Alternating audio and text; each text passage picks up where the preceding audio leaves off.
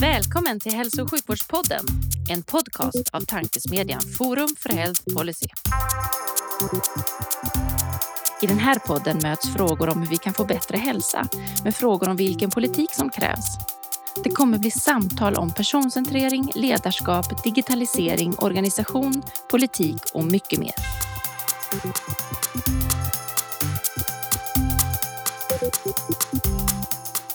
Hej och välkomna till Hälso och sjukvårdspodden, en podcast av tankesmedjan Forum för Health Policy. Som är en oberoende tankesmedja som syftar till att driva på innovation och utveckling i hälso och sjukvården och omsorgen. Jag heter Magnus Lejelöw och arbetar till vardags för Läkemedelsindustriföreningen men är även styrelseledamot i Forum för Health Policy. Och vid min digitala sida sitter Livia Holm på Kry, också styrelseledamot i Forum för Health Policy. Ja, och idag, dagen till ära kommer vi ha ett specialavsnitt som är sprunget från eh, när jag stod på scen på Dagens Medicins vårdarena tillsammans med Daniel Forslund och Nassim Farooqia. Och vi pratade om framtidens hälso och sjukvård. Och, och efteråt så kom vi så sprudlande ut och, och pratade med varandra och sa vi måste prata mer.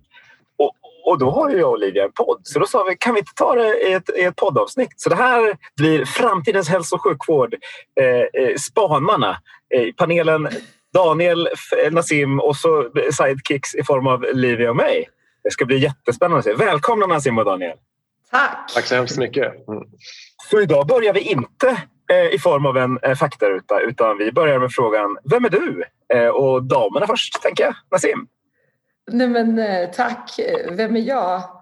Ja, men det, det, första som kom upp i skallen på mig, jag är en integrationsexpert, får jag säga så? Jag kom till Sverige för 31 år sedan och integrerade mig in i svenska samhället och förstod att språk öppnar dörrar. Och sedan dess så um, har jag nog förflyttat mig mellan olika miljöer och försökt lära mig ett nytt språk. Och för varje språk så har jag känt att med det följer också med en kultur så har jag känt att eh, min verktygslåda blivit mer och mer välfylld. Så så småningom, eftersom jag är läkare och eh, jag brinner för att skapa värde genom att också vara forskare, så har jag landat i en innovationskontext eh, som är väldigt mycket dagens anda. Digitalisering och den här globaliseringen och även urbaniseringen som alla pratar om. Så jag har idag hamnat på eh, Mindler som operativ chef och eh, ska bidra till bättre psykisk hälsa genom digitala verktyg. Kul! Varmt välkommen! Och det, som sagt, det finns längre bak i katalogen så har vi en intervju med Nassim, fast då ur din förra roll. Men dina åsikter tror jag finns kvar där. Eh, Daniel, vem är du? Och varmt välkommen! Tack så mycket Magnus. Eh, Daniel Forslund heter jag eh, och har en stark passion för att utveckla vården på olika sätt. Eh, och just nu gör jag det som ansvarig för innovation och digitalisering i regionledningen i Stockholm. Jag är också ordförande för SKRs beredning för digitalisering och sitter i styrelser för både Inera och för olika science parks här i Stockholmsregionen. Så jag jobbar mycket med life science-frågor, e-hälsa sedan väldigt länge i olika roller men också då som sagt försöker vara en förändrings ledare här regionalt i Stockholm så att vi undanröjer hinder för allt det där som Nassim pratar om. Eh, och då måste man prata både med innovatörer så måste man prata lite landstingsbyråkratiska också så att man kan eh, få bort alla hinder som kan finnas i, i systemet. Mycket kul och utvecklande jobb. Det är flera bra språk det också. Eh, vi tänkte hålla samtalet idag när vi liksom planerade lite så pratade vi tänkte prata kunskapsstyrning, digitalisering, hälsodata, precisionsmedicin, ledarskap, patientmedverkan, vårdprofessioner och nära vård. Nassim sa, vad ska vi inte prata om? Och det är väl det som är frågan. Det vi ska prata om är vad vi tror kommer att hända 2030. Det vi inte ska prata om är det vi inte tror ska hända inom hälso och sjukvården 2030. Men vi tänkte vi, vi börjar med en lätt liten fråga. Så Daniel, vad, vad tror du kommer att prägla ledarskapet inom hälso och sjukvården 2030? Och vad tror du kommer skilja det från idag?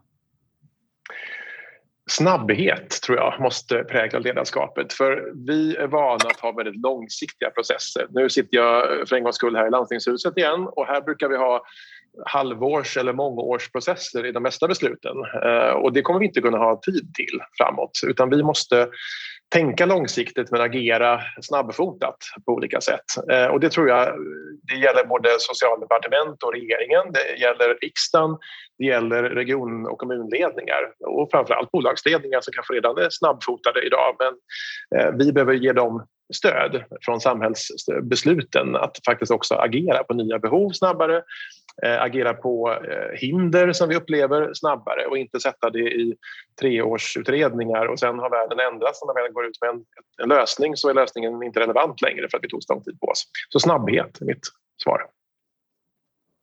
Mm. Ska vi skjuta samman till nästa kanske? Håller du med? Och jag, har, jag har en följdfråga Daniel. Är det möjligt? Jag tror det är oundvikligt, att, att, eh, även om vi tycker det verkar omöjligt just nu. För det ska inte vara... Alltså, kortsiktighet låter ju fel. Liksom. Det handlar om långsiktiga beslut fast på ett snabbare sätt.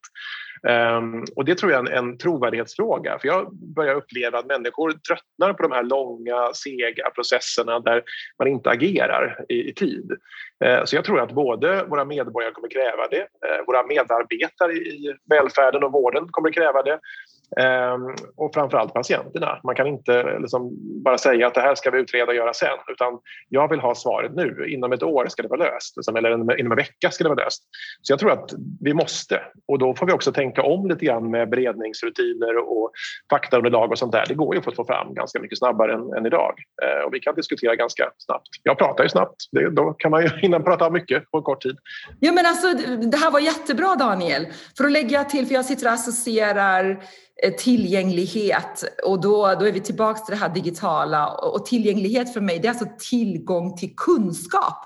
Mm. Och apropå att det blir snabbt, det är för att eh, ökar du tillgängligheten då också öppnar du dörrar för människor att eh, kunna skaffa kunskap. Då kommer de inte sitta still. Det blir demokratisering. Så då blir mm. det att man faktiskt, om inte någon politiker eller etablissemanget löser det, då vill man lösa det själv och det är då det börjar bubbla av innovativa lösningar. Så att jag tror, och jag tror på den kraften.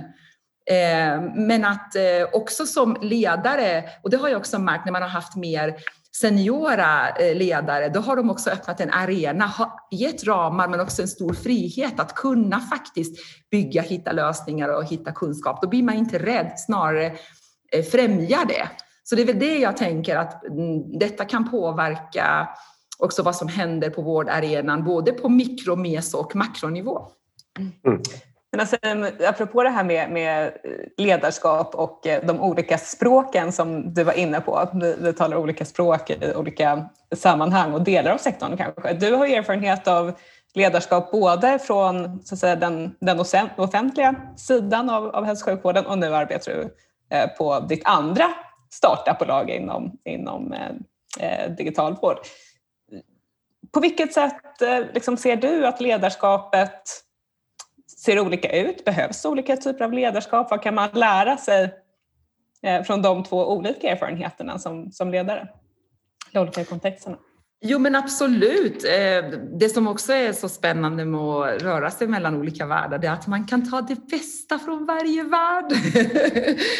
och, det minns jag att jag sa även när jag tänkte tillbaka på det jag har från min persiska kultur och det som fanns från det svenska. Och i det fallet att det är klart att eh, de här eh, traditionella organisationerna, det finns struktur och ordning och det behövs också. Eh, struktur. Medan i de här mer nya, då finns det ju flexibilitet. Tänk att kunna kombinera de två. Alltså att ge ramarna men också faktiskt ge utrymmet. För det kan vi också se, det är inte bara något som jag påstår, att eh, från eh, de här större traditionella organisationerna så kan vi också faktiskt tappa talanger, eh, innovativa krafter som vill eh, åstadkomma förändringar men att som det tar stopp på olika sätt. Eh, och då hoppar de av eh, och blir entreprenörer kanske. Och, och någonting som vi har sett nu under, alltså bara sista året med coronapandemin, för då först när det kom en pandemi, då var man illa tvungen att faktiskt lämna vissa gamla arbetssätt. Och då var det som en enorm katalysator. Så det går att lära av varandra menar jag. Skapa en kombovärld.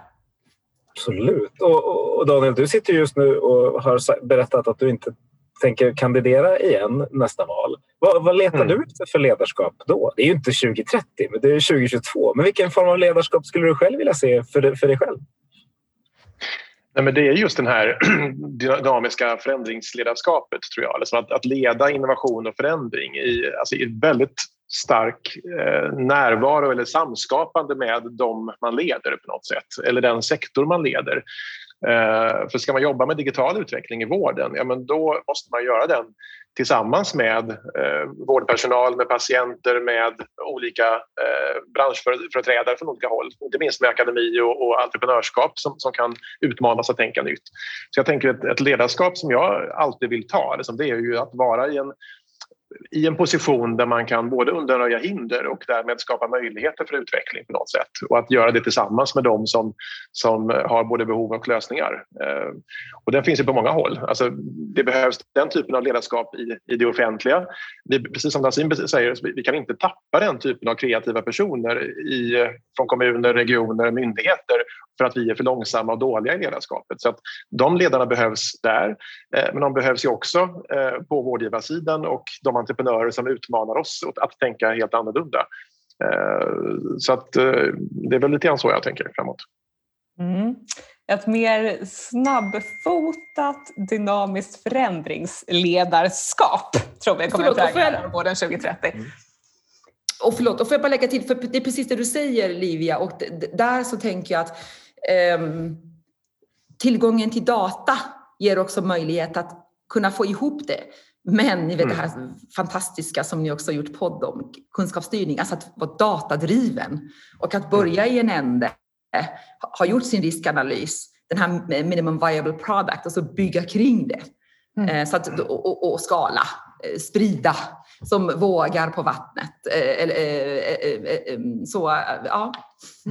Och apropå att börja i en ände då, då, då tänkte jag fortsätta lite grann med, om vi tror att, att ledarskapet kommer, kommer drivas mer mot att vara mer dynamiskt, snabbfotat, förändringsbenäget om vi går vidare till den väldigt breda frågan digitalisering som ju ni båda har mycket erfarenhet av. Vad tror ni kommer prägla digitaliseringen inom hälso och sjukvården 2030? Vad kommer vara annorlunda från idag? Hur kommer vi tänka? Nej, men jag tror att, precis som Nassim var inne på, om det här med att digitalisering är demokratisering. Eh, och demokratisering i vården handlar mycket om kunskap och, och eh, vad ska man säga, förmågan att, och, och mandatet att få, få fatta egna beslut och att involveras i olika processer. Eh, och det är väl där man nu tänker lite annorlunda tror jag med digitala verktyg, att de blir verktyget för transparens och inkludering men också för personanpassning, att vi kan skräddarsy olika eh, bemötandesätt eller eh, informationssätt till, till patientens eget behov. Och det behovet är inte, är inte statiskt. Det är inte så att jag alltid behöver samma sak. Eh, beroende på hur, ja, hur sjuk jag är, vart jag befinner mig i livet, vart jag befinner mig geografiskt så behöver jag olika typer av kontakter. Och det är väl just det som jag tror nu kommer ske med den digitala utvecklingen. Att vi går från att eh, ha som one size för alla som inte passar för någon eh, där alla ska trängas i samma telefonkö eller samma väntrum på en drop-in-tid. men nu väljer jag min egen kontaktmetod och det kommer slå igenom fullt ut bara de närmaste åren. Alltså 2030 så tror jag att vi har nästan glömt hur det var när man tvingades in i en telefontid som anvisades av vårdcentralen utan då kommer det faktiskt bli en helt annan, annan eh, valfrihet för dig som, som patient. Och då blir verkligen digitaliseringen både en demokratiseringsprocess eh, men också då en en inkluderingsprocess eh, där också kunskapen hamnar i allas händer på något sätt. Det är inte så att läkaren har all kunskap och sitter och gömmer den så här utan den finns där för dig att ta och folk kommer att fråga efter din kunskap som patient eh, och du kan också ha digitala medel att, att bjuda på den kompetensen till, tillbaka till vården så att det blir ett mycket mera givande och tagande tror jag liksom, i, eh, i vården framåt där inte Eh, det är en profession som har all makt eh, som det kan upplevas ibland och det, så, så är det inte framåt. Nassim, vill du bygga vidare på det? Eller det vet jag nej, men jag var så, Nej men det var, nej men absolut. Ehm, jag är ju läkare och det här med eh, just det här med makten och eh, kunskapen och ehm, att kunna ehm, ge den makten eller dela den med sina patienter, den, blir otroligt viktig. Och det är väl kanske det också som jag kan tycka, det är en hel del skrivet om det, skapa spänningar i hela den här förändringsprocessen. Men att på vilket pedagogiskt sätt skulle man kunna skapa det här att det blir som att dela? Och jag menar, vi försöker ju använda den typen av språk också i vården, att det blir en överenskommen vårdplan.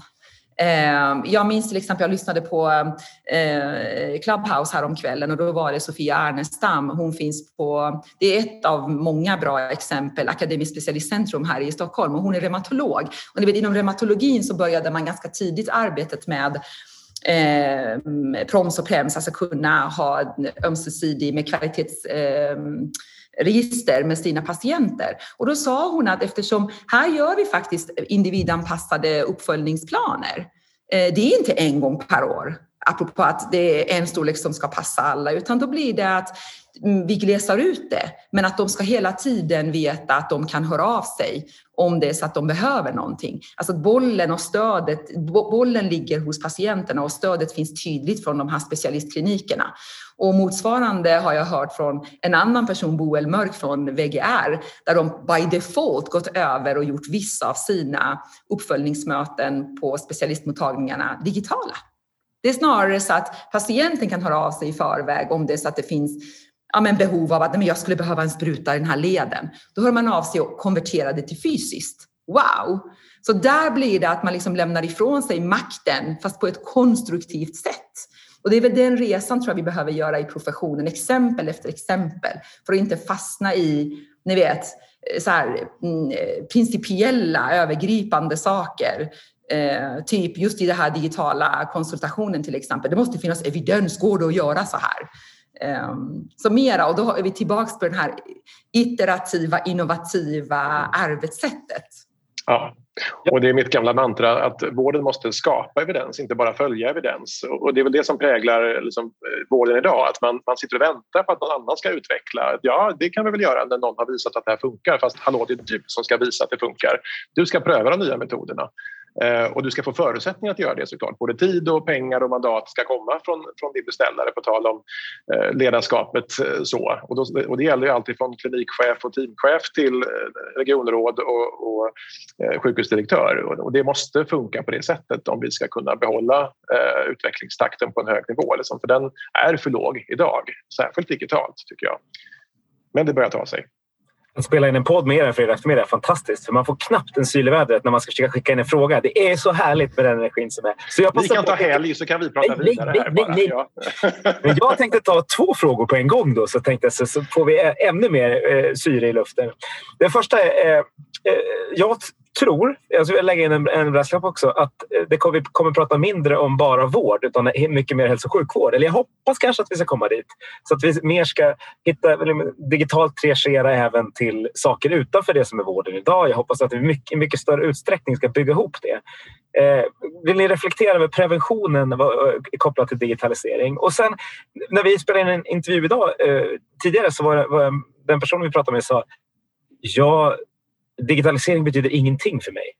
Jag hoppas att vi pratar om den nya analoga personen framöver. Eh, och som liksom, det nya svarta är vilka är de fåtal som behöver en analog interaktion?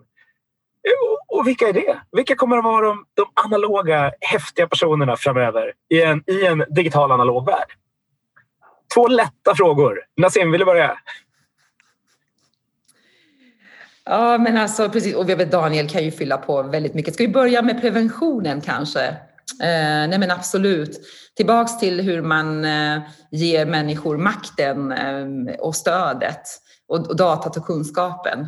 Eh, det går att eh, både med hjälp av mjuk och hårdvara hjälpa människor att samla data och så ska det finnas ja, men kommunikationsvägar. Och det kan ju vara, ja, men ni vet de här modeorden som har kommit digifysiskt och asynkront och synkront. Men alltså skapa vägar för att individen ska kunna dela sin information och data med professionen som kan. Och då bygger man och då går det faktiskt också att vara händelserna i förväg och skapa eh, förebyggande. Och det gäller ju all form av kroniska tillstånd oavsett om de är eh, somatiska, alltså kroppsliga, eller har att göra med den psykiska, den mentala hälsan. För till exempel vet ni att, jag menar idag finns det till exempel sensorer hemma hos de som inte är early adopters, våra äldre, som, som kan mäta rörelse i rummet. Eh, och går det ner så, och, och det är någon som eh, till exempel har en hjärtsvikt, då kan man ju faktiskt börja leta efter, ja, kan det vara att denna person har blivit sämre i sin hjärtsvikt? Och då skulle man kunna träda in med stöd innan personen blir så pass dålig att hen hamnar på akuten. Det är ett sådant exempel. Eh, ska vi ta det först innan vi tar din andra fråga? Tror du, Daniel, hur tänker du kring prevention? Mer än? Jo, jag, jag delar mycket av den, den, bilden. För den datadrivna utvecklingen är ju det som, som gör de här eh, nya perspektiven och nya verktygen möjliga. Eh, och när vi sågs eh, senast vi tre och framtidsspanare så, så pratade jag om tre ord på P. Och det, det är både prevention men det är också Um, alltså prediktion och pre, alltså precision. Att vi verkligen hittar sätt att både förutse Ehm, Ehm, att, att förebygga helt och hållet en sjukdom eh, men också med, vara mer precis i hur man, man erbjuder den typen av, av behandling som just jag behöver. Ehm, och det, det handlar ju om att hitta modeller att lära ur den data vi, vi hela tiden genererar i vården, eh, tror jag. Eh, och det hoppas jag ju på att vi kan få till ett stort nationellt initiativ som, som verkligen skapar både legala tryggheter men också etiska tekniska tryggheter om hur det här ska hanteras framåt. För jag tror alla vårdgivare nu eh, sitter och är nyfikna men lite avvaktande hur man ska hantera de här, eh, de här modellerna. Eh, och, och, det gäller ju allting från att utveckla liksom, precisionsmedicin till mer skräddarsydda behandlingar generellt men också då att jobba med det klassiska gamla folkhälsoarbetet på något sätt. Med att, att inte bara tänka att befolkningen är konform och tycker likadant eller alla åldersgrupper är exakt likadana. Bara för att man är äldre så tycker man så här. Nej, så är det ju inte. Eh, vi måste tänka individ för individ eh, och då måste vi ha data som stödjer oss i att skräddarsy den där behandlingen eller den rådgivning jag behöver för att leva mer hälsosamt och undvika sjukdom eller bara hantera min sjukdom just som min kropp eh, bäst behöver för att jag inte ska bli mer sjuk till exempel. Och att vi sen också då skräddarsyr tekniken utifrån det så att jag får eh, automatisk dosering av mitt insulin eller någon annan eh, läkemedel eh, och jag kan få kontinuerlig mätning av allt som jag behöver mäta med min sjukdom så att det också blir en automatisering. Och då blir ju verkligen tekniken frihetsverktyget. Att jag slipper vara beroende av sjukvårdens eh, ja, både bra och dåliga saker. Eh, men framför allt att jag inte tänker att vård är inte en fysisk plats längre utan vård är en trygghetstjänst som finns med mig eh, vart jag än är. Eh, I hemmet, på jobbet, på stan, eh, i sjuksängen eller på, i sjukhuset om jag behöver det. Så att då blir ju vården fullt ut eh, platsoberoende, eh, tänker jag. Mm. Och det är väl då man kommer också till vem ska då vara den analoga patienten som du frågade Magnus. För genom den typen av datainsikter eh, så kommer du också, tror jag, lära dig att skräddarsy erbjudandet även på det sättet. Den här person, personen kommer kanske inte klara av eller vilja ha eh, en, en teknisk tjänst. Sen tror jag inte att någon kommer att vara helt det är inte så att man får en, en helt oteknisk vård. Vården är högteknologisk. Alltså du kommer få möta teknik när du är på ett sjukhus eh, eller på en vårdcentral eh, där all personal omkring dig har avancerad teknik.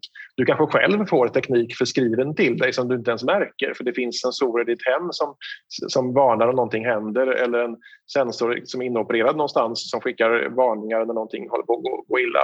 Och det är också en del av preventionsarbetet att faktiskt flagga upp ett Eh, en kurva som droppar utifrån dina egna förutsättningar. Som, nej, du, du måste reagera. Och det är ju, då kan du vara en helt analog och oteknisk patient som inte bryr dig om teknik men du får ändå stöd eh, på ett omärkligt sätt eh, genom vårdens nya eh, teknikstöd. Tänker jag. Nej men precis. Uh, nej men exakt, jag, jag håller med. Och, och, det är väl där, det, jag faktiskt jag reflekterade, jag är ju uppenbarligen en sån här innovations, eh, väldigt positiv och frälst person. Så jag ser nästan bara fördelar. Men jag tänker att uh, det är också här vi har chansen att skapa mer av jämlik vård. För vi, vi, vet ju att idag så finns det ju skillnader, inte minst baserade på socioekonomiska skillnader. Alltså de som är välutbildade förstår och söker vård oftare och så vidare. Och då, men på det här sättet så skulle man faktiskt kunna lyfta nivån att data, inhämtande och eh, kommunikation upp till en mer, eh, vad ska jag säga, ja, men större, skapa, kunna skapa större jämlikhet och att kunna anpassa utifrån att ehm, eh, till de grupper som eh, verkligen behöver den analoga vården, ge de resurserna till de personerna. Eh, ja men säg, och ni vet ju i utsatta grupper, det kan ju vara personer med demens, det kan vara eh, svårare psykisk ohälsa och så vidare. Så det ja. tror jag absolut säkert. Men sen tänkte jag så här, också jag associerade, när du sa Daniel att man kunde kunna ha något chip inopererat någonstans, det var då så bara oj, och det gillar inte alla människor. Då kan man vara lite så pessimistisk, oj oj oj, vad innebär det? Är vi inne på eh, en eh, övervakningssamhälle eller? Så var mm. går gränsen? Och, och, då kommer vi in på lite mer svåra och kanske etiska mm. avvägningar. Mm. Så är det ju. Liksom. Och, men, men, jag tror inte så många diabetiker som har fått en kontinuerlig glukosmätare är Nej. jättearga för att de känner sig övervakade. Tvärtom. Sant. Tänk om föräldrar som kan få koll på sina barns blodvärden och insulinvärden dag, dagen eller dygnet runt. Liksom. Det, det, är ju en enorm trygghet. Men så länge det är ett erbjudande och inte ett tvång så tror jag att det här är en, en möjlighet som, som, som finns. Och sen är det det här med på tal om din fråga, Magnus, igen det här med att klart att det finns patienter som inte vill använda teknik. Men det är också, vi måste utmana myten lite grann också om, om att Eh, man måste vara tekniknörd för att tycka att det här är viktigt. Mm. För så är det ju inte längre. Jag tror att den som är den största vinnaren av vårdens digitalisering det är de som inte alls varken bryr sig eller kan kanske använda tekniken.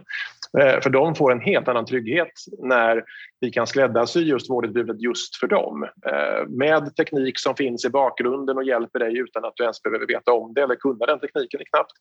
Eh, eller att du faktiskt får frihet att agera precis som du vill i ditt liv och inte vara bunden till en sjuksäng eller en dialysmaskin eller någonting annat utan du kan få stöd på ett helt annat sätt som, som du inte kunde tänka dig. Eh, och där släppte vi statistik eh, i veckan här från Region Stockholm bara om hur eh, användningen av digitala vårdtjänster har förändrats. Och just de här som argumenten om att äldre inte kan använda teknik till exempel, den börjar ju komma på skam. Eh, vi ser både hos mm. oss eh, att det, det är ålderskategorin 90 plus som ökar mest. Den, den har fördubblats i användning i den ålderskategorin. Vi har också ett stort antal hundraåringar som loggar in på 1177.se för att boka tider, läsa sin journal eh, och göra annat. Det säger också en del om att vi, har, vi lever i en ny tid. 2030 kommer det vara en helt annan eh, typ av eh, förväntansbild från hela befolkningen. Jag tror att är man analog så är man snarare det ett livsstilsval snarare än att, än att inte ha förmågan. Eh, Mm. mm. Men lite på det temat, för ni båda två pratar ju mycket om, ehm, om digitalisering, användning av hälsodata och så vidare som, som ett verktyg för en mer jämlik vård, en ökad demokratisering i vården. Eh, kring detta att, att ge makt till individer kring sin egen vård och hälsa. Men i det, så, så, som du var inne på Nassim, så vet vi att eh, redan nu så finns det ju Ehm, en hel del olikheter i hur man söker vård, när man söker vård, hur tidigt man mm. söker vård, hur man tar till sig den kunskapen som, som finns hypotetiskt sett att ta till och inte. Hur ser ni att, att vi liksom 2030 ska parera dels det här fokuset med att eh, fler patienter som vill och kan ska kunna göra mer själva och att eh, ge det stödet till patienter som kanske vare sig vill eller kan eller har förmåga så att vi verkligen får en jämlik vård. Att det här inte blir en utveckling som leder till större eh, klyftor inom hälso och sjukvården. Jag kan börja där, för jag tänkte på två saker och den ena går till Daniel. Jag tänkte först på utbildning och sen reglering och förutsättningar. Och utbildning, då associerade jag direkt till alltså, ehm, det börjar redan med våra ungdomar i skolan. Ehm, alltså jag ser, för, för, för det, när vi pratar digitalisering, det pågår ju i alla sektorer. Det är inte bara vården faktiskt. Och Daniel, du, du nämnde ju det här med eh, förväntningar. Det är för att det sker liksom Eh, beteendeförändring men också att testa de här nya verktygen. Bara det faktum att eh, ungdomarna kan gå in i diverse appar och bygga sina egna så kallade tutorials. Det pratar mina barn om. Och det var länge sedan de kom till mig och frågade efter någonting. De går och googlar sig fram i olika kanaler och hittar tutorials. Och det kan vara allt från någon stjärnkock i något annat främmande land till name it.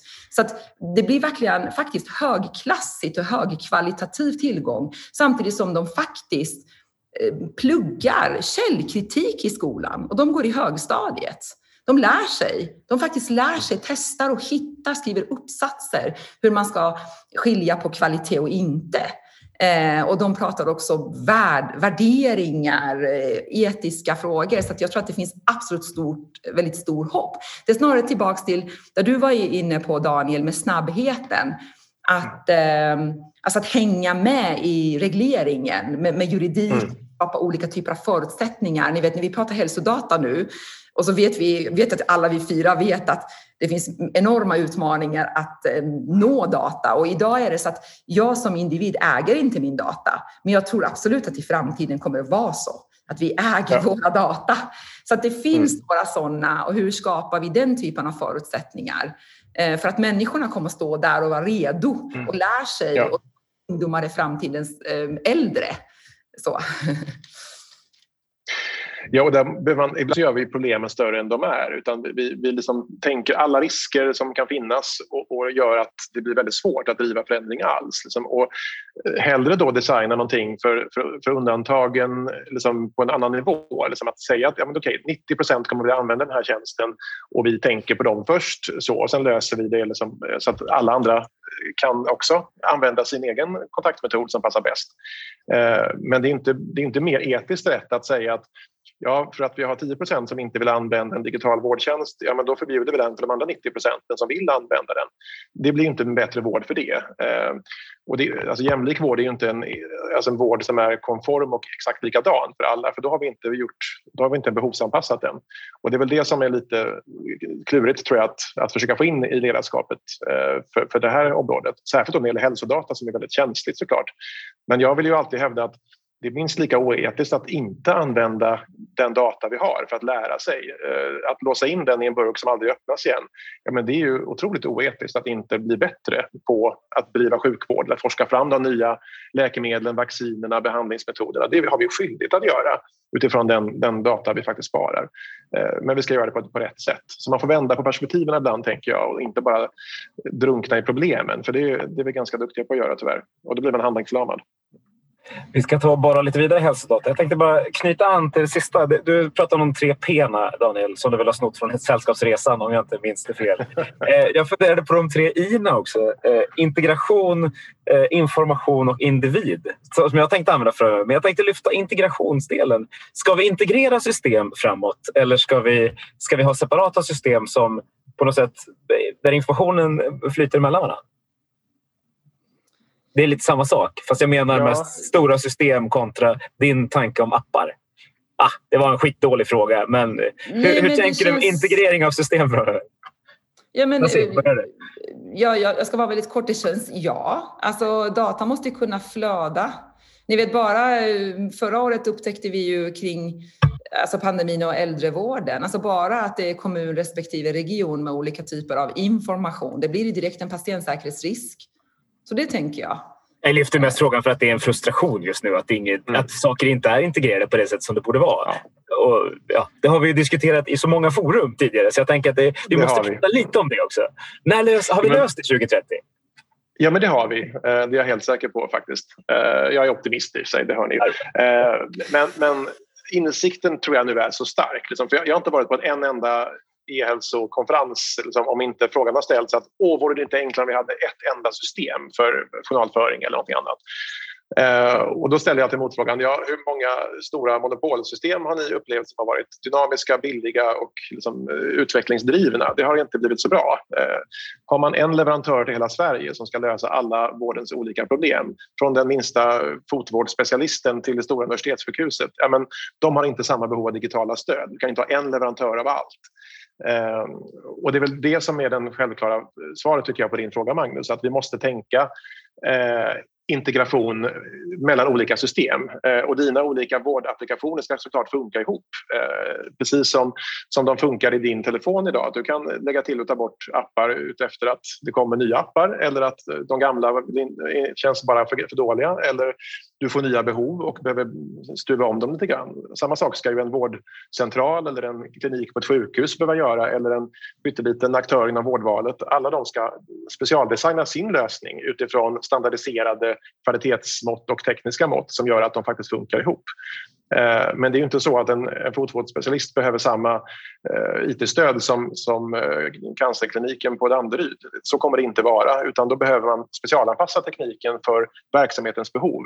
Men de ska bygga på standardiserade komponenter så att det faktiskt funkar tillsammans. Och då tror jag man behöver tänka återigen datalagringen där.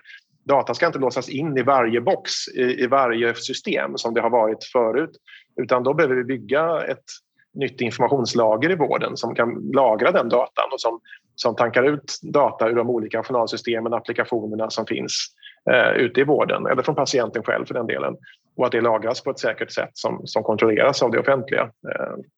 2030 är ju ganska snart eh, när man tänker på den här typen av stora upphandlingar. Så. För nu har ni försökt några gånger i Stockholm och inte riktigt kommit fram med, med det här som kändes väldigt hett att det skulle vara ganska snart. Kom, kommer vi verkligen komma i mål med att systemet det? Livia skakar lite glatt på huvudet eh, och du är positiv Daniel. Men vad, vad, vad, tror du Nassim? Elakt att skicka frågan till dig som Fick jag svara? Var inte det här tillräckligt Stockholm? jag lyfte med Stockholm och tänkte du är ju också där. ja men gud vilken eh, himla bra fråga. Um...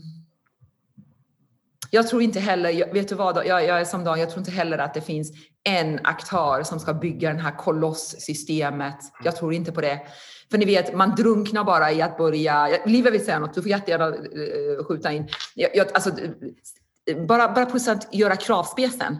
Och när man sitter och gör kravspecen så förändras det. Det var någon som faktiskt drog en gång ett exempel för mig. Nassim, det här är lite grann som när eh, Karl XIV Johan ni vet urfadern i Bernadotteska, när han började bygga Göta kanal. Och, och medan man höll på med det så kom ju liksom järnvägarna. Det bara liksom sprang förbi. Och Göta kanal använde vi till nöjen. så, Ja. Och det visar bara på, jag kan bara dra parallellerna till vår egen stora upphandling som vi fick avbryta när pandemin gjorde att vården behövde jobba med vård, inte med att utvärdera IT-system. Eh, för att processerna är ju så långa. Alltså, kravställningen gjordes i grunden 2017-2018 för en upphandling som skulle gå i mål 2021.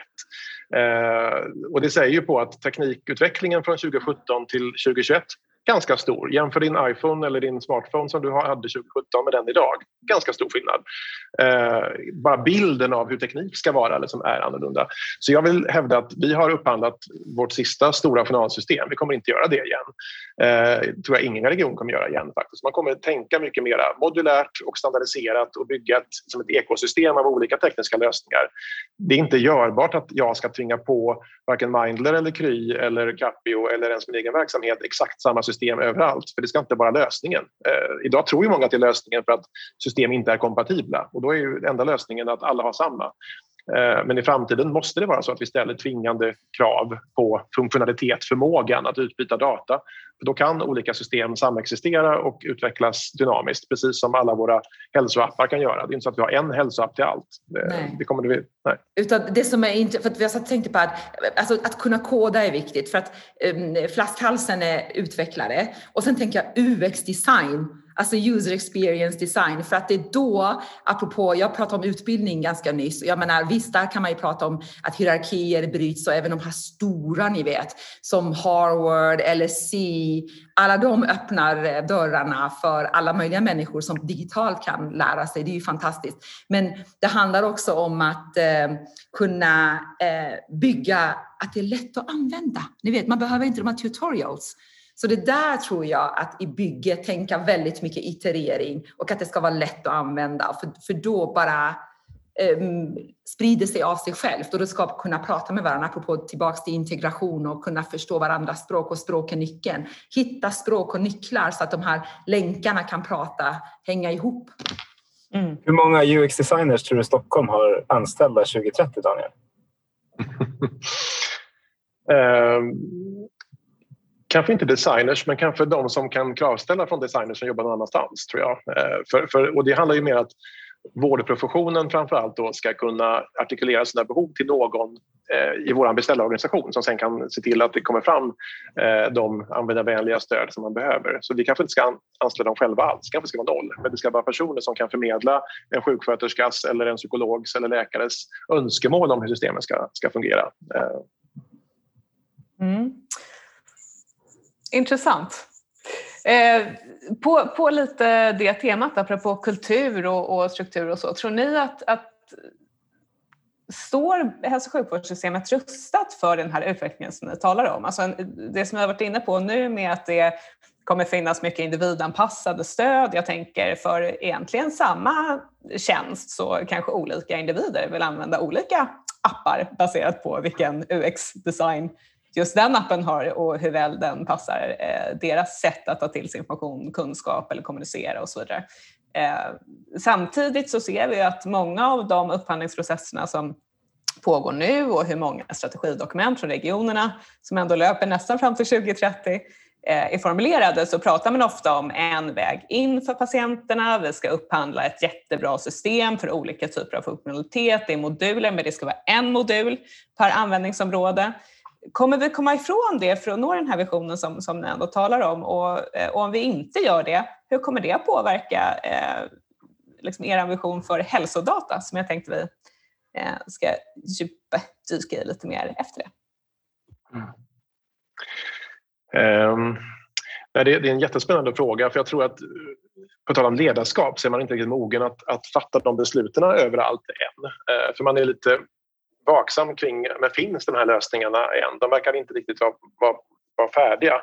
Och det visade sig när vi upphandlade också vår stora eh, FVM-upphandling om framtidens vård och informationsmiljö att marknaden var inte helt mogen att leverera ens det där. Eh, och vi från ledningsnivå försökte då utmana oss att tänka just väldigt nytt och eh, utmana marknaden. Men där var vi inte riktigt än då. Jag tror att vi börjar närma oss en sån Eh, som mognad nu och de kommande åren. Men det, och det jag tror ger mig hopp ändå och varför jag vågar uttala mig ganska positivt här det är ju att vi nu ska börja en ganska operativ förhandling mellan SKR och regeringen eh, med infrastrukturdepartementet i spetsen om att skapa just en en, en, ett samlat regelverk för välfärdens digitala infrastruktur. Att sätta de här spelreglerna på plats rent tekniskt. Liksom, vilken arkitektur, vilka standarder, vilka specifikationer måste användas när vi utbyter digital information mellan en statlig myndighet, en region och en kommun eller en privat utförare. Hur ska det gå till? Eh, full frihet att utveckla Eh, tekniken men inom vissa givna ramar då, så att de också är kompatibla. Och det är ju en diskussion vi nu har. Liksom, kan vi skapa den typen av tvingande och gemensamma regler som alla ska förhålla sig till? Eh, likväl som vi har tvingande regler för informationssäkerhet till exempel. Det är ju ingen som kommer undan dem. Eh, men vi kan ju också lägga till sådana funktionskrav som handlar om eh, informationsutbytet också, tänker jag. Mm. Och tror du att det blir tvingande även för regionerna att öppna upp och inte bara för leverantörerna att kunna vara öppna? Det tror jag faktiskt är en förutsättning. Ehm, och inte bara regioner utan även då statliga myndigheter som kräver eh, inloggning på massa olika sätt och att man ska sända format, eller vet du, data i olika format till exempel till Försäkringskassan eller Socialstyrelsen eller Läkemedelsverket. Det, man brukar prata om att oj, regionsektorn är så splittrad. Ja, men den statliga sektorn är ännu mer splittrad ska man säga. Och tala om att staten är så himla enkel och att det vore så bra att de gjorde allting. De är inte heller så bra på det här kan man ju konstatera. En sak man inte kan tvinga folk till att göra är ju att förändras, eh, förändra kulturen. Eh, det skulle man önska att man kunde förändra eller tvinga för det är ibland det som är lite, lite bökigt. Vi har en fantastisk massa data i Sverige eh, i fantastisk massa silos där det finns viss protektionism skulle jag nästan vilja hävda mellan de olika silosarna. Hur har vi ändrat på det för att det inte ska finnas 2030?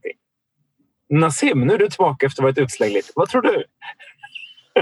Du får Varför får jag alla svåra frågor? Det är så här omöjliga frågor. Ja men herregud. du pratar så alltså många språk, språk, både sjukvårdens språk och andra språk. Men det, det, då tänker jag att då vet du hur man, hur man får ihop sånt här. Jo visst, precis. Eh, eh, man kan göra som jag blivit utsatt för. Man blir bara kastad. Så det blir som överlevnad. Eh, då är man illa tvungen. Och lite av det såg vi ju igen förra året i och med pandemin. Eftersom vi var tvungna att hitta andra sätt för att minska smittspridningen. Det gick inte att mötas i det fysiska rummet längre och sen helt plötsligt så började vi märka att det här går ju rätt bra. Så att, eh, låt oss börja med digitalt först. Om det behövs så ses vi fysiskt. Um, så det tror jag. Uh, och annars är det, jag har ju sagt liksom iteration flera gånger, men, men att uh, börja i en ände och i förändringsprocessen, någonting som vi jobbade väldigt mycket med på SAS-akuten också. Det blev en, en doktorsavhandling där vi skulle ändra arbetssätt på en gigantisk akutmottagning där det bara fanns, ni tänker 85 eh, jourlinjer, rader på ett dygn. Det är rätt mycket. Och då pratar vi sex olika läkarspecialister, fyra olika nivåer av sjuksköterskekompetens och så fanns det undersköterskor med flera. Är ni med? Och då var det att faktiskt göra en mindre pilot och låta några testa utvärdera och sen så bygga kring det, skapa en så kallad plan, do, study, act, PDSA-cykel. Um, ehm, så att jag tror att man får liksom använda lite alla möjliga um, och sen en, faktiskt en tredje grej, det här att det som Six Sigma använder väldigt mycket, att kunna stä, alltså att ställa frågan varför, ni vet skapa incitament i människor.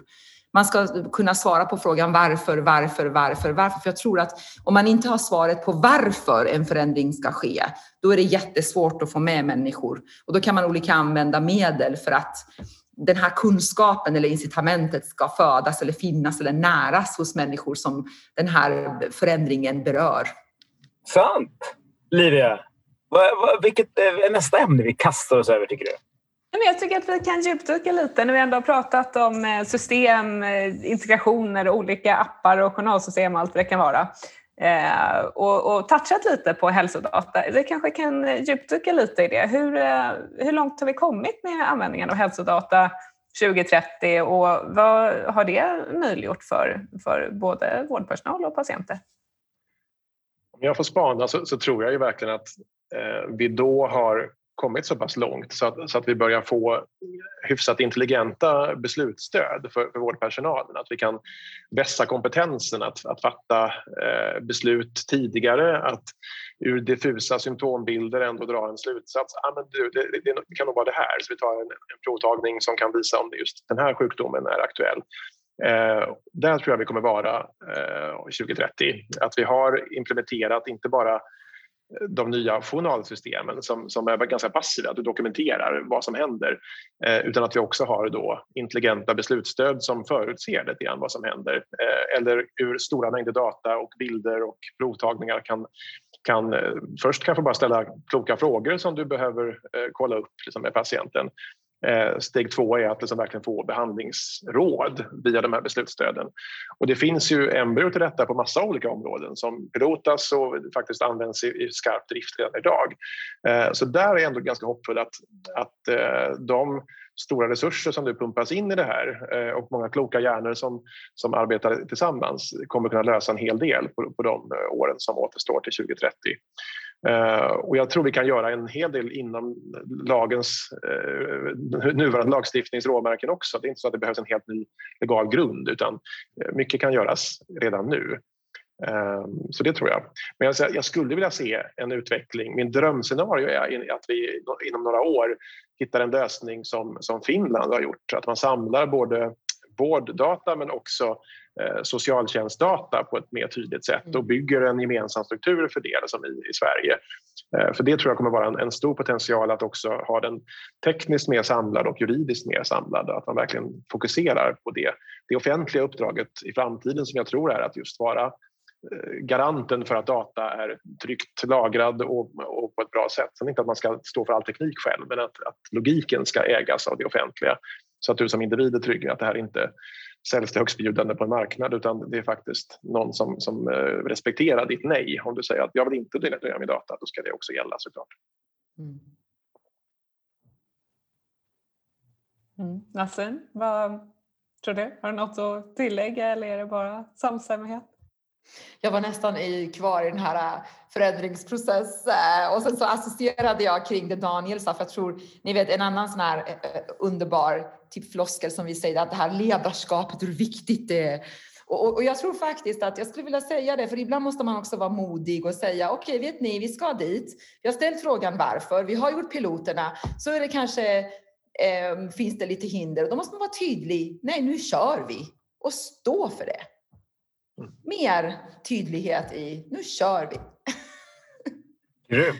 Men då Nassim, jag tänkte, du gillar ju de lätta frågorna. Så jag tänkte, 20, 2030, då har vi landat kunskapsstyrningen inom regionerna så att den funkar optimalt. Hur ser, hur ser du att den ser ut och hur ser du att ni privata vårdgivare är kopplade till den på ett så bra sätt som möjligt? Uh, alltså jag tror eh, dels, uh, jag tycker faktiskt, uh, jag vet inte hur rak eller diplomatisk jag ska vara där, men alltså bara börja med att inkludera de privata vårdgivarna i de här, när man sitter runt bordet och designar och gör lägesbeskrivningar och tar färdplaner. Det finns så otroligt mycket kunskap som man faktiskt inte tar in. Det är jättesynd.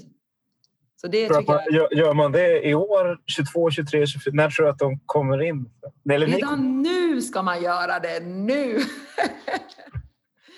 Och där kan jag säga, jag menar, jag var ju tidigt ute och tillsammans med några andra och har bidragit. Vi har startat e-hälsoläkarförening och försöker. Vi ska ha ett helt spår på årets Vitalis med tre eminenta paneler och bara prata den digitala konsultationen för att vi inte ska eh, gräva oss ner i finns det evidens på varenda bokstav här och vad är evidens? Så tar vi fram det överhuvudtaget. Att faktiskt ta, ta fram, ta in den här mm, agilit, alltså agila sätten att också skapa ny kunskap och våga testa nytt och skapa ny praxis. Så det är det ena.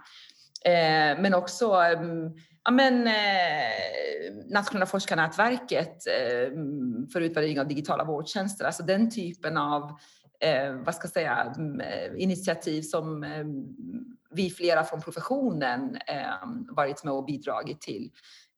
Men som sagt, och från offentligheten för att vända på det, för det är där uppdragen finns. Bjud in Eh, de digitala aktörerna också, eller som nu för tiden alla är digifysiska, men de privata aktörerna så att det är inte bara offentligheten som samlas. Det tror jag. Ni är inne båda två på, på det här med eh, beslutsstöd och användning av hälsodata för att öka kvaliteten och så vidare. Hur ser ni att det eh, kopplar ihop till, till arbetet med kunskapsstyrning och, och liksom hur kommer det att samverka 2030? Eh, sker kunskapsstyrningen centralt ifrån och sen så ska bolagen anpassa sig och i så fall hur? Eller hur ska en sån växelverkan se, se ut? Vad ser ni, vad ser ni framför er? Men det är väl just växelverkan som är nyckelordet här. Att det är inte så att kunskap dikteras från en statlig myndighet eller från eh, en beställarorganisation och sen ska alla tillämpa den. Det kommer som en ner flygandes från någon på det gamla sättet eh, från en myndighet. Utan vi måste verkligen tänka att vi lever i en, i en kunskapsorganisation där alla kunskaper, liksom, och det, den kunskap du genereras ska, ska snabbt fångas upp av strukturerna och föras tillbaka till andra delar av vården som kanske inte hade dragit samma slutsats. Och det handlar i slutändan om att få en, en ganska kort lärandecykel där. Som att från insikt ska du kunna skicka vidare den eh, i systemet och sen ja, ska kunskapen analyseras och, och föras vidare och återkopplas till verksamheten på ett helt annat sätt. Idag är det väldigt, väldigt långa cykler från att du levererar från dig data eh, eller kvalitetsmått och indikatorer till din beställare eller till en myndighet. Eh, eh, det kan ta tre år innan det kommer tillbaka med resultat av den där. Och det, då har vi glömt vad vi ens gjorde för tre år sedan. Så att insikten blir ganska låg. Så jag tror vi behöver ha mycket mer momentana lärande där man egentligen vet på eftermiddagen vad man gjorde på förmiddagen på något sätt och får en, som en analyskapacitet som är helt annorlunda. Eh, och där händer ju ganska mycket nu med, med både datorkraft och, och modeller för hur man ska kunna fånga upp den typen av data och dra slutsatser av det. Eh, så mm, på, på eh, nio års sikt fram till 2030 så ska man väl kunna lösa en hel del av det, tänker jag. Men det bygger ju återigen på att vi har mer modulära systemmiljöer i, i vården, att du faktiskt kan lägga till den typen av analysmoduler, inte bara medicinska moduler som handlar om hur du kommunicerar med patienten eller dokumenterar på ett bra sätt, utan också få eh, visualiserad kunskap som är lätt att ta till sig. Eh, och det kommer vi återigen in på UX och användardesign. Att hur ska vi då kunna lära oss någonting av all data? Det är inte så att data per definition är enkel att ta till sig. Jag får mängder av rapporter som jag inte begriper kan jag erkänna för de är bara skrivna på ett väldigt tekniskt och konstigt sätt. Liksom. Eller eh, någon, någon välvillig själ vill skicka mig en, en Excel-fil med 15 flikar och 17 000 poster som jag inte riktigt kan... Jag förstår inte den, hur jag ska processa det. Och då måste du verkligen förenkla för Eh, för en läkare i en behandlande situation att snabbt dra den där slutsatsen ur jättestora mängder teknisk data och få det visualiserat på ett sätt som jag snabbt kan ta till mig här och nu. Eller en telefonsjuksköterska som du ringer till på 1177 eller någon som du möter på vårdcentralen eller i en digital app. Du ska ju kunna eh, få hjälp att kunna koppla ihop olika eh, både historiska hälsopunkter eller vårdinsatser men också då det som jag nu berättar Eh, hur tar jag till mig det på ett bra sätt? Och där tror jag också tekniken kan hjälpa oss att fånga eh, det som patienten berättar på ett annat sätt. På tal om att hur, hur dokumenterar vi? Det är inte det att någon av er sitter här och, och skriver ner några nyckelord av det jag sa. Eh, ett stort ordflöde som jag nu har här så, så kanske det fanns massa information som en, en dator kunde faktiskt samlat in eh, och tolkat på ett bättre sätt när man fångar in både nyanser och vad jag faktiskt sa. Eh, och det är väl också nästa del i teknikutvecklingen, att, att jobba med informationsinsamlingen på olika sätt. Det kan inte bygga på att jag som patient ska vara, ha författarkvaliteter och sitta och skriva långa anamneser i text som jag ska skicka in i förväg som vi tycker nu är väldigt innovativt att vi har formulärtjänster. Eh, jag kanske inte alls är bra på, på varken svenska språket eller på att skriva överhuvudtaget. Men då måste jag kanske muntligt kunna eh, berätta det utan att eh, det bygger på att den sjuksköterska eller läkare jag pratade med just den dagen var fullt, fullt lyhörd och hörde allt jag sa. Ehm, så det här är nästa stora område tror jag. Sant. Förmån med det här är att det spelas in, vilket betyder att man kan liksom göra utfästelser som vi kan gå tillbaka till. Eh, 2030, när Sverige är bäst i världen på att använda, tillvarata e-hälsans möjligheter, vilka länder är två och tre på e-hälsa? Vilka tittar vi på som så här, de här måste vi kämpa mot? Och vilket, vilka länder i världen tror ni har bäst, eh, kvalitetsparametrar, når bäst kvalitetsparametrar för sina patienter? Alltså, gud, superbra fråga. Jag satt och funderade. Jag kan säga, jag var också lite kvar i den här eh, tråden som Daniel hade förra frågan och det var superbra. Och jag tror det jag ville lägga till var, apropå, det är också lite till change management och vara relevant och UX-design. Och jag tror att för, för eh, de, de här digitala verktygen och infrastrukturerna och, och då pratar vi både plattform, alltså båda interfacerna, både det som användarna har men också de som vårdprofessionerna har. Den som lyckas knäcka det bäst kommer att attrahera de flesta. Så eh, kring kompetensförsörjning, det kommer att vara ett måste. Har man en bra plattform som går att jobba smidigt, då kommer man att kunna attrahera krafterna till sig. Eh, och då, det är också en viktig förutsättning för att faktiskt kunna bygga hela sin kvalitetsstruktur.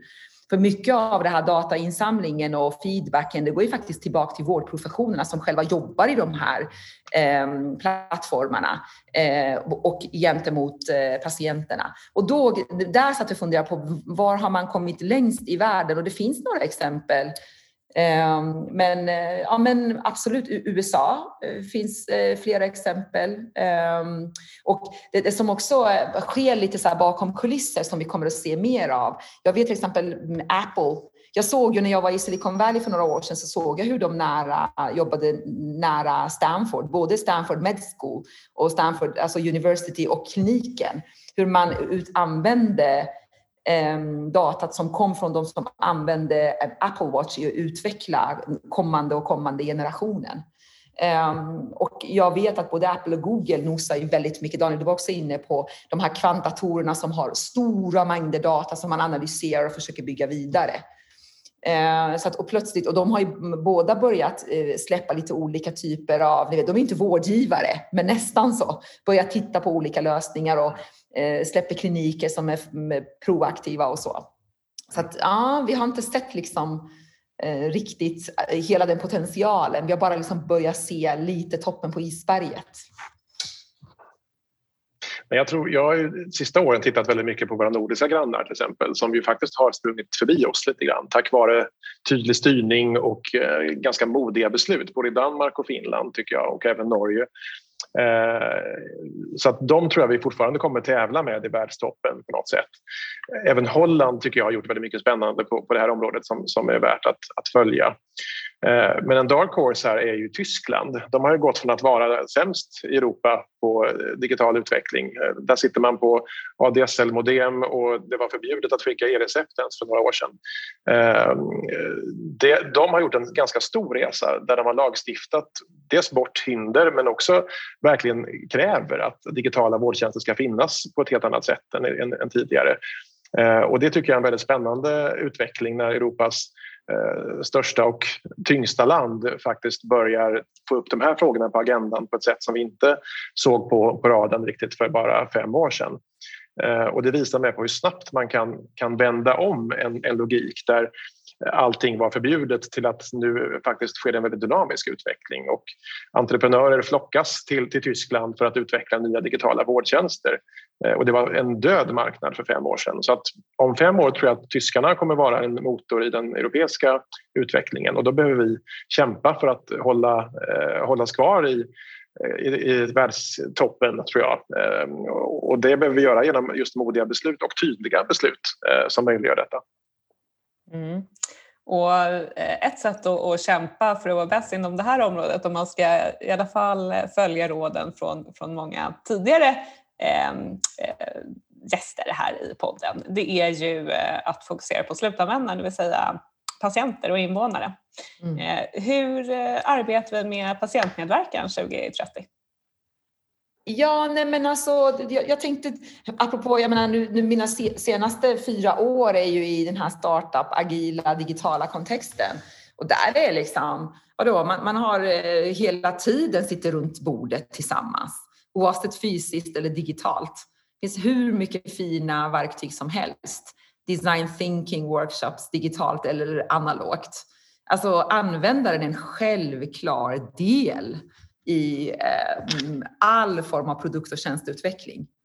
Eh, och igen, då tänker vi både patienten eller jag är också en sån som mer och mer använder ordet individ. För patienter, det är en label som vi sätter på människor, vi från vården. Och då individer ska ju vara med. Och oavsett vad du gör, om du är bolag, tjänst, vad det nu är, du ska vara relevant för dina användare. Ehm, så för mig är det en självklarhet. Ehm, och igen, då är vi tillbaka till där vi var med eh, ja, jag har inte sagt ordet empowerment, men just att dela, eh, skapa interaktivitet. Ehm, ja, där är jag.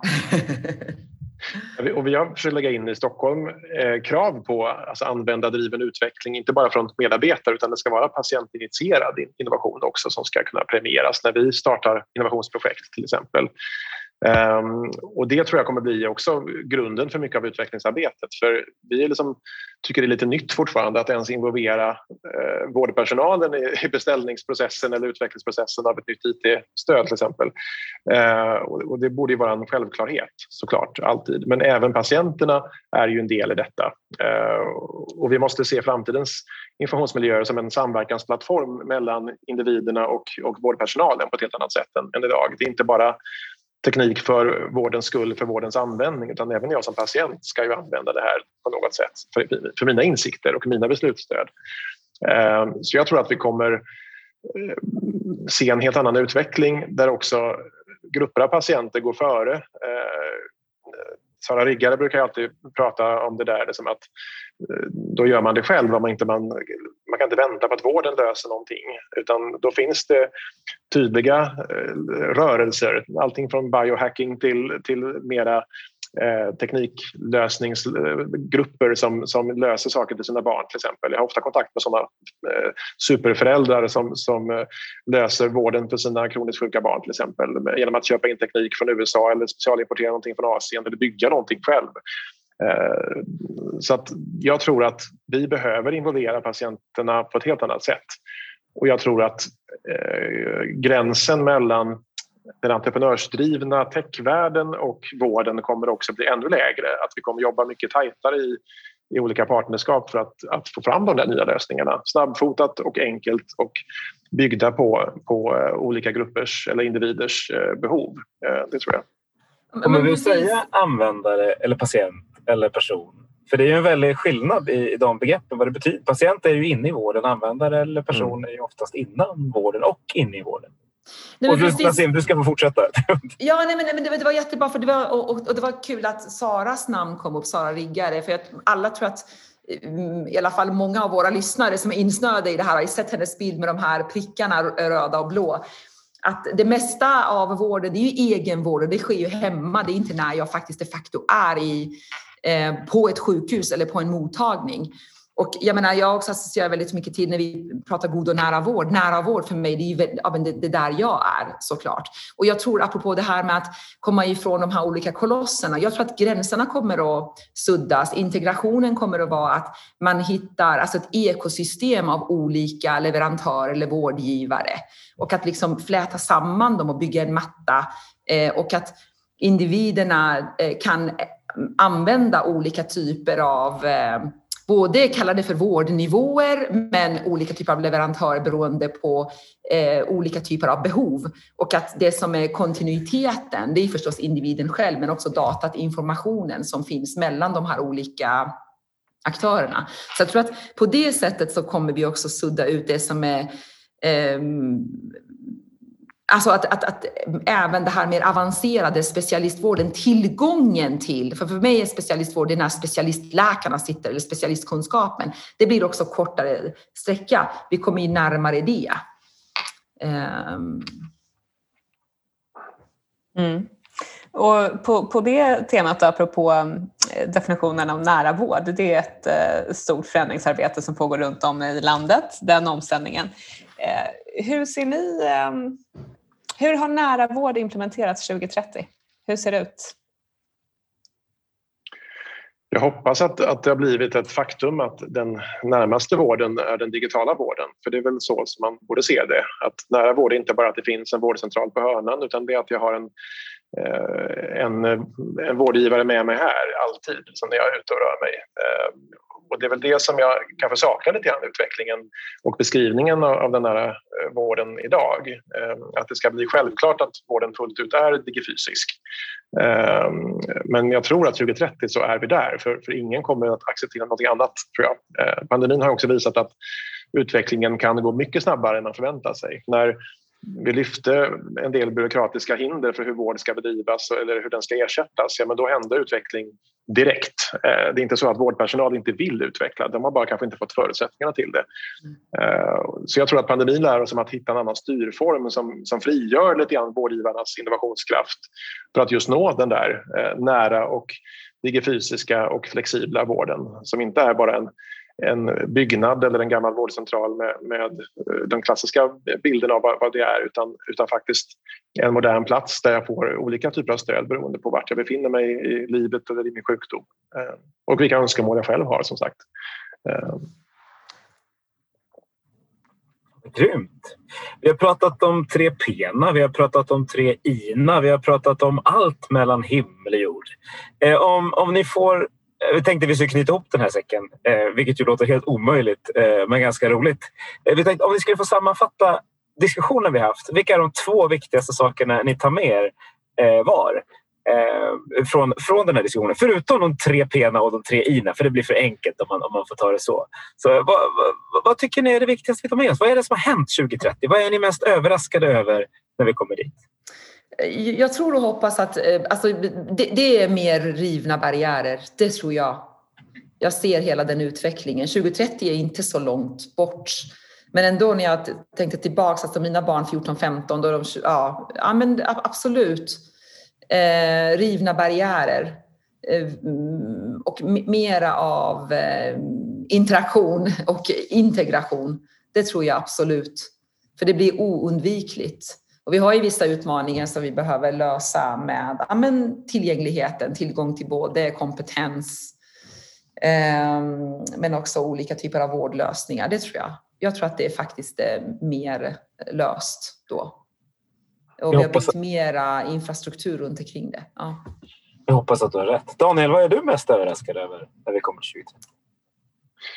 Jag tror vi kommer att bli överraskade över eh, den ketchup-effekt vi har upplevt när, när mycket av den här teknikproppen släpper av gammal teknik som vi nu håller på att avveckla, eller åtminstone har en plan för att avveckla. Det händer ju faktiskt de närmaste två, tre åren. Eh, när den tekniken som har hindrat oss är borta, då tror jag vi kommer se en, en våg av utveckling, inte bara av teknik utan också av, av arbetssätten och det som har hållit tillbaka vården i form av en gammal eh, tekniskt föråldrad tvångskostym så kommer det att släppa loss massa idéer tror jag och innovationskraft i, i vården och det kommer vi överraskas över den kraften. Jag tycker vi har sett embryot till den under den här pandemin att, att faktiskt man kan utveckla mycket mer än man någonsin kunde tro. Uh, och det tror jag vi kommer vara väldigt överraskade över 2030. Man kommer undra men hur kunde vi ens sitta och prata om de där gamla bristerna som vi hade uh, i början av 20-talet. Uh, jag tror att det kommer vara en, ett minne blott. Livia, vad tror du? Ja, nej men jag, jag eh, kan nog bara hålla med. Jag tror att det kommer vara... Eh, som patient, om man kommer till vården 2030 så tror jag att det kommer vara mycket, mycket lättare att eh, förstå eh, liksom, vad som kommer hända med mig. Vad är nästa steg? Vad kan jag förvänta mig? Eh, vad borde jag tänka på? Hur väl informerad är jag om min sjukdom? Jag kan bara, som sagt, för egen del att jag, att jag började på KRY det var efter eh, min egen erfarenhet med, med vården och flera olika nivåer i vården efter en olycka som jag råkade ut för. Eh, och det som var mest frustrerande då, det var att man aldrig visste vad som var nästa steg eller vem man skulle kontakta, mm. hur man skulle kontakta dem, mm. vem man kunde ställa en enkel fråga till, vilken information som var relevant. Det där tror inte jag att jag, om jag eh, hoppas att det inte blir så, men om jag skulle råka ut för en olycka igen 2030 så tror inte jag att det kommer vara mina, mina största problem. Jag tror att jag kommer mm. Det kommer vara en mycket smidigare resa eh, och jag kommer mm. ha en enklare tillgång till det jag mm. känner att jag behöver. Det tror jag. Tänk att en så självklar sak ska vara en framtidsvision. Det kan man ändå bli lite frustrerad över. Men eh, ja, håller helt med. Ja, visst, är, visst är det Men vi går ju till användare på något sätt. Jag, om jag själv får svara på min fråga, vilket jag ju får eftersom det är vår podd, eh, så, så hoppas jag och tror att vi är mer datadrivna än vad vi är idag i allt vi gör. Eh, och jag hoppas att vi pratar väldigt mycket mer om prevention. Inte som någonting främmande utan någonting som är här och nu och är något vi, vi jobbar med. Eh, är det någon som känner att ah, jag, jag har inte fått, fått säga det jag vill idag? Eh, är det någonting ni säger ja, det här har inte jag fått berätta? Jag hann knappt säga någonting alls känner jag så att jag, jag har en timme till att ge. Nej, fantastiskt spännande samtal tycker jag. Många bra poänger. Ja, bra. Nassim, är du också nöjd? Men att jag känner, kan inte vi göra om det här hela tiden? Typ? Jag håller med. Det är jätteroligt. Det är så kul att prata framtid. Det är så kul att prata hälso och sjukvård. Man mår så bra av det. Eh, men för våra, våra kära lyssnare som nu har varit ute eh, och trodde att det var 50 minuter och så efter en timme och en kvart så funderar de på kommer jag någonsin att komma hem? Men då får ni vara så lika energifyllda som vi känner oss en fredag eftermiddag här när vi, liksom, vi börjar närma oss kaklet och är väldigt nöjda med livet, i alla fall jag. Eh, jag tänkte tacka Nassim så varmast, Daniel varmast och Livia lika varmt som vanligt. Det vill säga, det är också jättevarmt naturligtvis. Eh, och tack alla ni som har lyssnat. Eh, hoppas att ni har fått en massa nya idéer och eh, tänker vidare tillsammans med oss. Hur kan vi förändra svensk hälso och sjukvård så att 2030, då är vi ännu bättre än vi tror. Tack så mycket allihopa.